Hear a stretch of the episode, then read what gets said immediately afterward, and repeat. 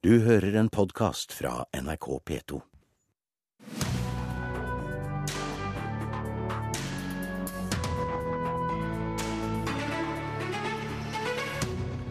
Filmprodusenter frykter nye EU-regler kan ødelegge for europeisk film. IT-bransjen mener det er en gavepakke til forbrukerne. Det blir debatt her i Kulturnytt. Og hvite østlendinger dominerer årets kull på Teaterhøgskolen. Det speiler ikke samfunnet, mener en regissør.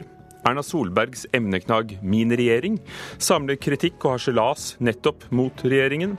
Og Arnold Schwarzenegger overrasker vår anmelder når han spiller sin kjente robotrolle Terminator. Dette er sakene i Kulturnytt i Nyhetsmorgen med Ugo Fermariello i studio. I dag skal EUs regjeringssjefer eh, diskutere digitale produkter som film, TV-serier, musikk og sport, og om det i fremtiden skal selges på ett felles marked innen EU. Mens IT-bransjens interesseorganisasjon IKT Norge mener det vil gjøre det lettere å få tak i og billigere å få tak i innhold på nett, mener eh, filmprodusenter at dette vil strupe mangfoldet i europeisk og norsk film.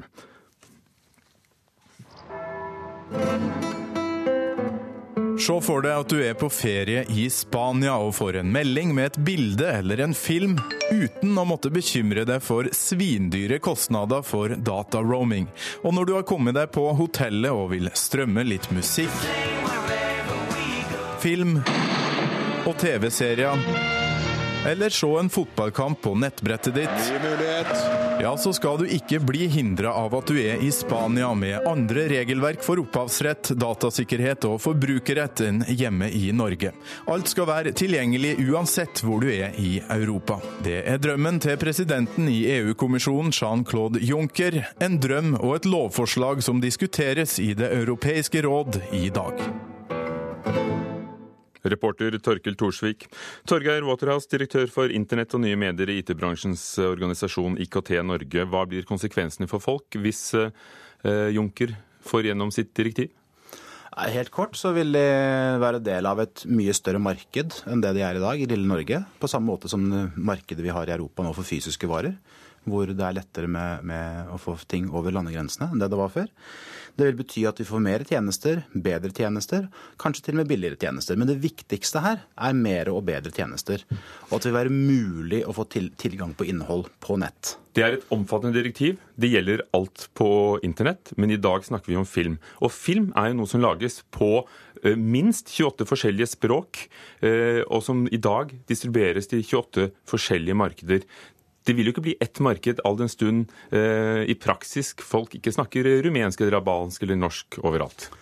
Nei, altså du vil, ha, du vil ha forskjellige språk som påvirker, selvfølgelig. Men, men essensen her er at du, hvis du skal starte en filmtjeneste eller drive en filmtjeneste, om, er, om det er en norsk tjeneste eller en fransk eller fra USA eller hva det måtte være, så kan du forhandle med og kjøpe rettigheter på ett punkt i Europa, istedenfor å måtte holde på med flere hundre rettighetsorganisasjoner for å få lov til å selge en film. Torbjørn Urfjell, leder i Film- og TV-produsentenes forening, Virke Produsentforeningen. Dette må da være en gavepakke til dere? Dere kan selge filmen til én av gangen, og så er det gjort. Det hadde vært kjempefint hvis det var slik at nå kan vi løpe ut og selge filmen én gang. Problemet er bare at du må produsere filmen først. Har du ingen film produsert, så har du ingenting å selge. Så hvorfor ser... er dere og alle deres europeiske kolleger motstander av dette forslaget? Vi er ikke motstandere av forslaget totalt sett, men vi mener at Europa og politikerne som nå sitter i Brussel, de må ikke bare tenke på at de skal løse dette ene problemet, og så skaper de masse nye problemer med å løse det ene. For det de er i ferd med å kanskje gjøre nå, det er å skyte spurv med kanoner. Det er kjempebra å få til løsninger som gjør at man kan eh, se nrk.no når man er i Spania, eller på andre måter få, eh, få tilgang på innholdet sitt. Problemet er finansiering av filmproduksjon. For det lappeteppet som filmproduksjon er, eh, med finansiering av det, det betyr at en er nødt til å hente inn penger fra flere kilder. Og da er man òg nødt til å kunne selge eksklusivitet i flere markeder, sånn at det faktisk er vilje til å betale for dette her. Torgeir Våterås, det er sånn eh, filmer finansieres eh, ikke bare i Europa, men over hele verden. Kon-Tiki f.eks., ifølge Hollywood Reporter, har fått nesten 40% av finansieringen ved å selge rettighetene fra land til land. Og Uten de 40 så ville det kanskje ikke blitt noe Kon-Tiki å selge på det ene markedet. nå er, det, nå er det flere ting å si her. Da, det, hva man får, får, for filmene, eller hvilke rettigheter man selger, det henger også sammen med det, hvilket potensial man har for å vise filmen videre til et publikum. Og Skal du selge til noen som har rettigheter for 200 eh, millioner mennesker, så er det klart at da er beløpet noe annet enn hvis du skal selge til noen som skal ha rettigheter for 4 millioner mennesker, eller i nærheten av det, sånn som vi er i Norge f.eks. Men det som er kanskje det mest interessante med dette, det er at uansett hva som skjer av teknologisk utvikling, uansett hva som skjer av regulatorisk utvikling for å tilpasse Eh, regelverket til hvordan samfunnet utvikla seg, så hører vi den samme historien fra filmindustrien om igjen og om igjen. Dette passer ikke med hvordan vi pleier å jobbe. Og verdenshistorien er full av eksempler på endringer som har skjedd, selv om noen som opplevde det ikke var for dem. Og Essensen her er at man må, nødt til, man må nødt til å tilpasse seg det samfunnet vi har, den teknologiutviklingen vi har, og så finne nye modeller som fungerer i dag. Før du får svare, Urfjell, er det ikke nettopp sånn at eh, dere ønsker denne reguleringen, for dette blir også en regulering, eh, fordi nå blir det IT-bransjen, din bransje, som sitter igjen med mer av pengene, fordi det er dere som har de store distributørene på det digitale? Nei, det har jo egentlig ikke noe med det å gjøre i det hele tatt. Kjernen her er at vi må ha systemer som fungerer. Og du må, ha, og du må, må få reguleringen og tilbudet i tråd med hva forbrukerne forventer for å lykkes. I dag gir man monopol til de som distribuerer ulovlig. Det, vi vil veldig gjerne tilpasse oss. Og det som jeg syns er veldig rart, det er hvis Europa, som vanligvis er kjent for å være at EU-prosjektet er kjent for å være et uh, prosjekt for fritt marked, det man er i ferd med å gjøre nå, det er nettopp å frata folk kontraktsfriheten. Rett og slett det å ha mulighet til å inngå kontrakter som man ser er tjenlig for sitt produkt, og som gjør at man kan produsere bedre, flere gode filmer som flyr ut internasjonalt. Vil ikke dette være en måte å tilpasse seg en ny virkelighet hvor, det, hvor, folk sitter i forskjellige landene uh, uten grenser, fordi markedet er i stor grad digitalt, og at det vil komme nye aktører da som vil kunne tilby den, de pengene en film trenger, fordi markedet er større og de vil ha de musklene. Vi er nødt til å finne måter som gjør til at folk er villige til å dele risiko. For at er det én ting som er sikkert, så er det at det å produsere film, det er risikosport. Det er ikke biler, det er ikke ost. Det er rett og slett produkter som er prototyper hver gang de produseres. Det gjør til at eh, risikoen med om du får en suksess eller en fiasko med en film, den er så stor at risikoen til å investere, den kan du ikke dele på én person eller én eh, kilde alene. Så helt kort, når det gjelder film, hva mener dere blir resultatet for europeisk film? Går vi glipp av noe? Hvis man innfører et system der det ikke er mulig å selge til flere enn én aktør i Europa og finansiere filmer på den måten, så er det å bare legge løypa åpen for Hollywood-produksjoner, og at det, at det, er de store aktørene som bare suser over markedet, og det er de som kan produsere framover. Ser du den konsekvensen? Det er at Hvis ikke man tilpasser seg, så er det et mulig utfall. Men det vi også skal huske på er at de modellene vi har i dag, er også et resultat av teknologiutvikling og regulering. Og, dermed så ser vi at det er ikke at det er naturgitt hvordan man skal gjøre dette.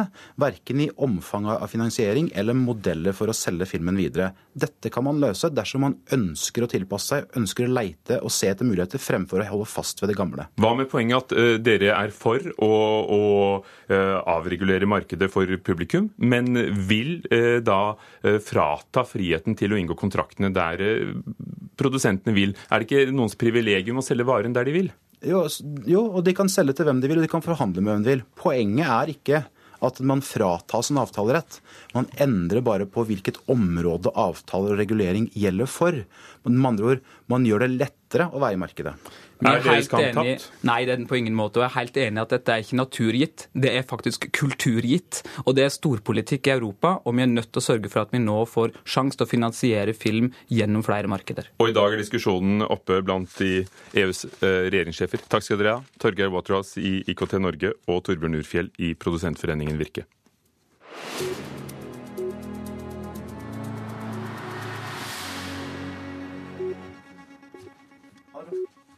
Teaterhøgskolen må rekruttere flere flerkulturelle skuespillere, mener regissør Øystein Ulsberg Brager. Årets inntak består av syv østlendinger og en tysker. Brager opplever selv å ikke kunne sette opp de stykkene han ønsker, fordi det ikke finnes nok flerkulturelle skuespillere. Shut up! Soon be as big as your mother. Soon be up to the clouds. Up into space. But watch out, watch out, watch out, watch out. En gruppe studenter ved skuespillerutdanninga Nordic Black Express sitter i en ring i et rom på Slurpen aktivitetshus i Oslo og leser manus. De forbereder seg til en workshop i Berlin, og instrueres av frilansregissør Øystein Ulsberg Brager. Der. Hva tenker dere så langt? Nordic Black Theatre har lenge jobba med å få flere flerkulturelle inn i skuespillermiljøet. Etter at Statens teaterhøgskoles nye studenter ble kjent, viser det seg at de ikke er like flinke på det. Blant årets åtte studenter som kom gjennom nåløyet, er sju stykker etnisk norske, den åttende er fra Tyskland. Det har fått Brager til å reagere. Det er rart eh, at ikke representasjonen eh, av, av samfunnet vårt er, eh, er mer, stemmer overens da, med samfunnet. Hvert år kjemper mange hundre aspirerende skuespillere om å komme gjennom nåløyet hos Teaterhøgskolen. De siste fem årene har skolen uteksaminert sju bachelorstudenter av en annen etnisk opprinnelse enn norsk, av totalt 49. Nå etterlyser Brager nye måter å rekruttere på fra skolens side. Jeg synes det er viktig er at Teaterhøgskolen eh, er bevisst på sitt ansvar for å rekruttere. Eh, og at de tar grep i, hvordan de eh, gjennomfører sitt inntak. Fungerende dekan ved Teaterhøgskolen, Jesper Halle, synes ikke 7 av 49 er et spesielt lavt tall, men er ikke fremmed for å jobbe med rekrutteringa hvis det skulle trengs. Jeg tenker at vi må altså gå tilbake og se nøyere på hva vi har gjort, og om det er ting vi skal gjøre annerledes. Og Oppdager vi da store skjevheter, så må vi diskutere om det er noe vi skal gjøre med det. Det er bare at jeg føler ikke at kritikken i dette tilfellet rammer så sterkt. Det er i grunnen bare det som gjør at jeg er forbeholden med å tenke at vi skal gjøre store grep akkurat nå. Det er ikke Brager enig i. Det er faktisk roller jeg ikke kan besette i de stykkene jeg har lyst til å sette opp, fordi at det ikke utdannes nok skuespillere med minoritetsbakgrunn. Det begrenser altså mitt tilfang av skuespillere, og det begrenser hvilke stykker jeg faktisk kan sette opp. For norsk teater så er det et problem, fordi det er, det er historier du ikke får fortalt. og, og og det, det, er et problem, fordi vi ønsker å fortelle relevante historier om den verden vi lever i. Teatersjef ved Det Norske Teatret, Erik Ulfsby, har lenge sett en mangel på flerkulturelle skuespillere. Derfor satte han i gang prosjektet Det multinorske, som er en bachelorgrad med garanti for jobb etter studiene, i regi av Det Norske Teatret. Vi fikk en ganske sterk søkermasse og eh, var veldig fornøyd med de fire som vi tok inn for tre år siden, og er eh, også veldig begeistra for de seks som er kommet inn nå. sånn at, talentene finnes, det er helt åpenbart. Ulfsby vil ikke kritisere Teaterhøgskolen, og mener de må prioritere talent. Likevel mener han at også de kan bli bedre. Det tror jeg at, at uh, vil se annerledes ut om 10-15 år. Det tror jeg også. Sa teatersjef på Det Norske Teatret Erik Ulfsby til reporter Runa Rød. Klokken er kvart over åtte. Du hører på Nyhetsmorgen i NRK. Overskriften i dag. 200 personer er evakuert fra skadelig røyk i Bodø. Brann i et kjøpesenter er ikke under kontroll. Norge gir mer penger til jordskjelvrammede Nepal, og jevnlig oppdager bankene ansatte som snoker i kundeopplysningene. Og senere i Kulturnytt anmelder vi Terminator. Nettgiganten Google maner til kamp mot terrorgruppen IS og ber folk ta til motmæle på deres egen internettkanal YouTube. Terrorgruppen er svært aktive i sosiale medier og har vekket avsky over hele verden med videoer av henrettelser, grusomme henrettelser. Under reklamefilmfestivalen i Cannes i Frankrike oppfordret Googles toppsjefer til felles nettfront mot terroristene. Jan Birkeland, eh, ansvarlig redaktør i Computerworld og PC World. Dere har dekket fremveksten til IS på internett. og Hvordan bruker organisasjonen medier som nettopp YouTube? Eh, IS bruker eh, altså, sosiale medier på et par forskjellige måter, men vi ser i veldig stor grad at det er rekruttering de er ute etter. Og hva har det betydd? Går det an å si noe om det har hjulpet dem i å, å skaffe folk? Ja, altså vi ser jo at det er, eh, det er mange unge som, eh, som, nå blir med IS, og som reiser eh, ofte ja, da, gjennom Tyrkia og til områdene som er kontrollert. Og vi får, vi får, høre ofte tilbake at det er fordi de har fulgt IS f.eks. på Twitter, og de har fått veldig mye press da, på sosiale medier fra uh, IS, hvor de kan spre sin agenda. Men hva betyr det nå at Google melder seg på skal vi si, kampen mot IS og, og, og tar så, såpass klart standpunkt? Det er ganske spennende, for Google er altså så enorme at det er eh, nesten vanskelig å forstå. Og de har ikke tatt et fast standpunkt enda. Eh, det er det i det hele tatt veldig få nettselskaper som har gjort. Så det, dette kan nok få ha en betydning, og at vi får dempet, og at de ikke, ikke minst går til kamp mot IS da på nett. Hvilken holdning har selskapet selv til hva de tillater folk å vise? Det er, det er, litt vanskelig, for de har et sett med regler. Men de har innimellom valgt å vise bl.a. henrettelsesvideoer fra IS. Dette for ikke for å reklamere for IS, men rett og slett for å informere der ute om, om hva det er som foregår. Men ellers så har de jo sterke og klare regler på hva de eh, vil vise. Eh, og de fleste av disse IS-videoene ender jo da ikke opp på YouTube. De blir jo da slettet derifra. Men så sier Googles sjefer eh, at sensur ikke alltid er den beste løsningen, men at propaganda må møtes med fornuft.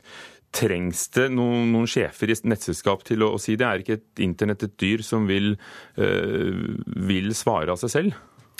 Nei, altså det, det, Man kan jo tenke at sånn er det en ideell verden, men det trengs nok noen til å si det. I hvert fall eh, når det gjelder enorme amerikanske selskaper, så er det sjelden at de velger side i en konflikt. Og her er da Google her går de helt spesifikt ut og maner rett og slett til kamp på nett mot IS. Har de også noen konkrete tiltak eh, som de vil iverksette?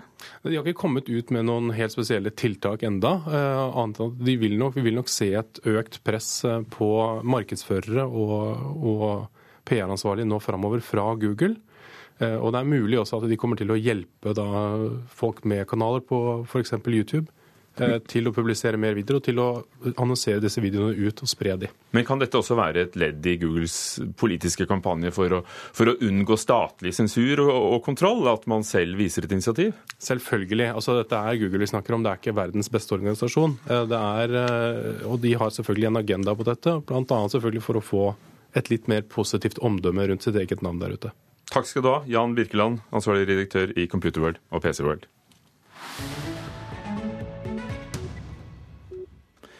Det var en fornøyd statsminister som i går ettermiddag tvitret om den sittende regjeringen eh, halvår og hva den har fått til, men det varte ikke lenge før kampanjen merket med emneknaggen 'Min regjering' ble kuppet av ikke fullt så fornøyde ytringer. Min regjering sliter med sosiale medier, min regjering vil dumpe gruveavfall i Førdefjorden. Ikke min regjering er noe av det som fulgte utover ettermiddagen. Men det gjør ikke noe, skal vi stå statsminister Erna Solberg i Dagsnytt 18. Så jeg mener jo at da er det alle velgerne våre som er en regjering som får det de faktisk ba om i valget. De får nye ideer og bedre løsninger. Og da skal du engasjere dem på Twitter?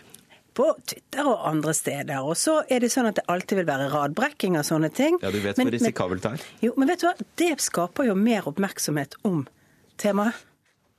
Statssekretær ved statsministerens kontor, Sigbjørn Aanes. Eh, er du enig? Er det godt med all oppmerksomhet, også denne? Det er ikke alltid det er godt med, med all oppmerksomhet, men i, men i den, dette tilfellet så var det noe vi hadde kalkulert med og diskutert i forkant. Eh, vi var fullt klar over hvordan en sånn emneknagg kunne bli brukt. Men å legge fram en sånn statusrapport eh, som eh, regjeringa gjorde i går, er ikke alltid det som skaper mest oppmerksomhet. Eh, så vi trengte noe som kunne gi oss ytterligere oppmerksomhet, og det syns jeg i aller høyeste grad at vi har fått til. Men var det den oppmerksomheten dere ønsket? Ja, vi ønsker en oppmerksomhet og en debatt om dette. Eh, først og fremst så, så må jo folk sjøl lese eh, det som er lagt fram, hvor det står mye om hva, hva denne regjeringa har gjort og fått til. Gjør seg opp en mening. Eh, mange av de som på Twitter raskt kasta seg på, de, de, har sannsynligvis ikke engang lest innholdet i, i, det som ble lagt fram. Og det er helt greit, sånn kommer det til å være. Vi har politiske motstandere og folk som er uenige med regjeringa, stemt noe annet. De, de vil være mot det meste vi gjør uansett. Så det, det lever vi veldig godt med.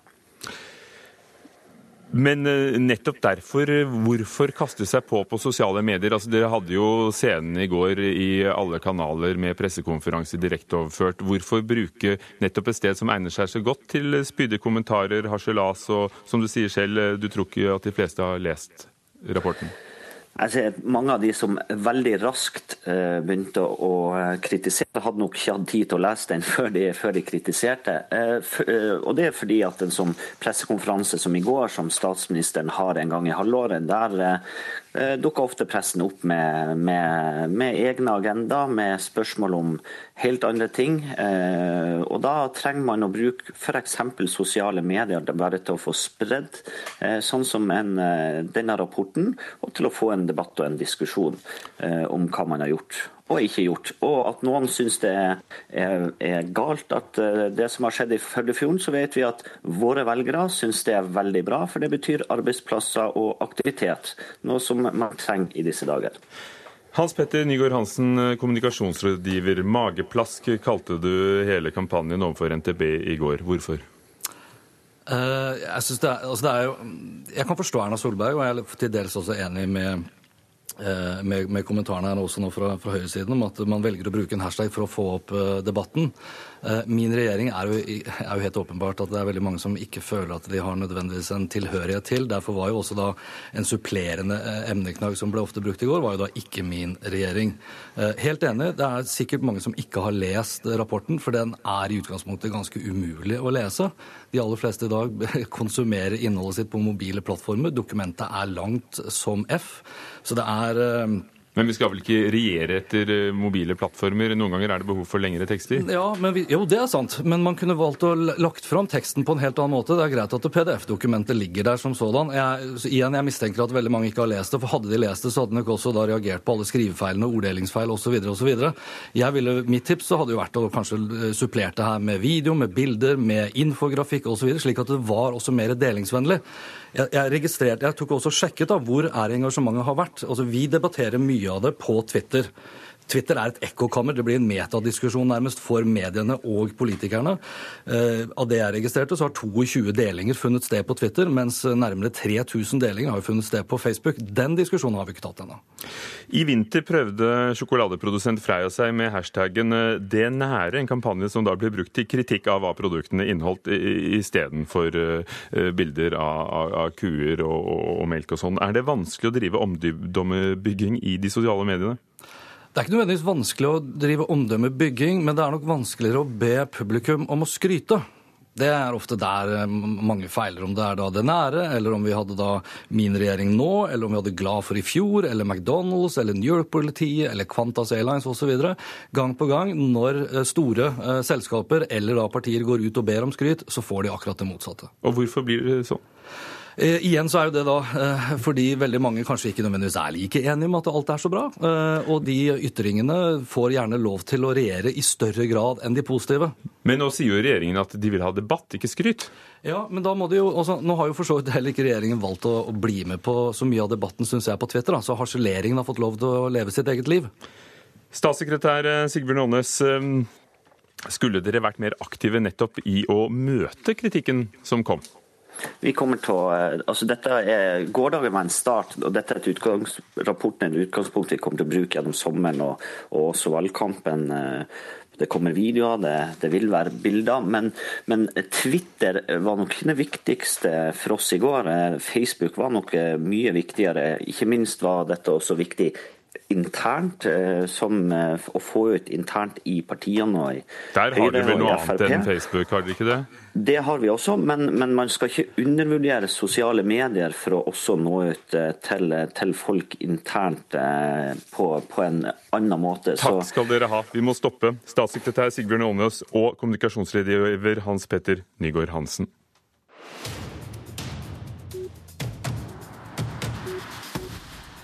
Terminator Genesis er den femte filmen om kampen mellom menneske og maskin i både fortid, nåtid og fremtid. Arnold Schwarzenegger gjentar sin ikoniske robotrolle i en effektfull actionfilm som ifølge vår anmelder Birge Vestmo underholder, men overbeviser ikke.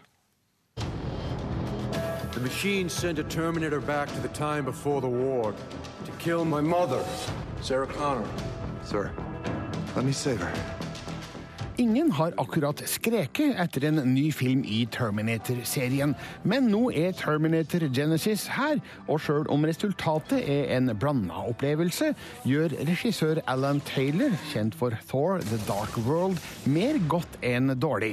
Manuset har noen fikse ideer til hvordan dette universet kan endres og utvides, og legger opp til flere friske vendinger. Ikke alt leder noe sted, og klimakset er skuffende konvensjonelt, men det er nok av oppfinnsom action underveis. Terminator Genesis underhell godt, uten å overbevise helt. John. Hi, Mom. Tidligere Terminator-filmer har fortalt oss om den fremtidige krigen mellom mennesker og maskiner.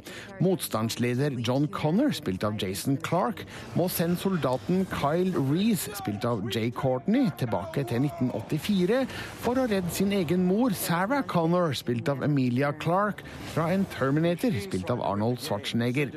Så langt speiles den originale filmen fra 1984, men så skjer det ting som snur opp ned på hele Terminator-sagaen. Det blir en heftig kamp mot Skynet, det sjølbevisste datasystemet som fører kampen mot menneskeheten. Kyle Reese. You know who I am? We've been prepping for you to arrive for over a decade. Historien vekker mange spørsmål, og noen av de mest åpenbare blir irriterende nok ikke besvart. Det fins òg flere sekvenser der logiske handlinger ikke blir utført. Det fins mange detaljer som skurrer, og understreker at tidsreiser er vanskelige saker. Men det filmen ikke har av finesse på manusfronten, tar den igjen i velkomponerte og fartsfylte actionsekvenser, der virkemidlene er kraftfulle og storslagne. Arnold Schwarzeneggers rolle i denne filmen vil komme som en overraskelse på mange. Han spiller en aldrende Terminator, men forklaringa er enkel, og Schwarzenegger spiller med den samme miksen av maskinelt kroppsspråk og hint av humor som vi spesielt husker fra Terminator 2 Judgment Day fra 1991. Terminator Genesis føyer seg inn i rekka av heseblesende effektfilmer med én stor actionsekvens hvert tiende minutt. Mange av dem er imponerende utført, men i det store og hele savner jeg mer spenning, både på det ytre og indre plan. Terminator Genesis kan ikke måle seg med de to første Terminator-filmene, begge signert James Cameron, men regissør Alan Taylors film er akkurat god nok til å sparke nytt liv i den gamle serien. I've been waiting for you. Birger Vestmo om den siste Terminator-filmen. Beate Haugtrud var teknisk ansvarlig. Gjermund Jappé produsent. Og Ugo Fermariello programleder for Kulturnytt her i Nyhetsmorgen. Du har hørt en podkast fra NRK P2.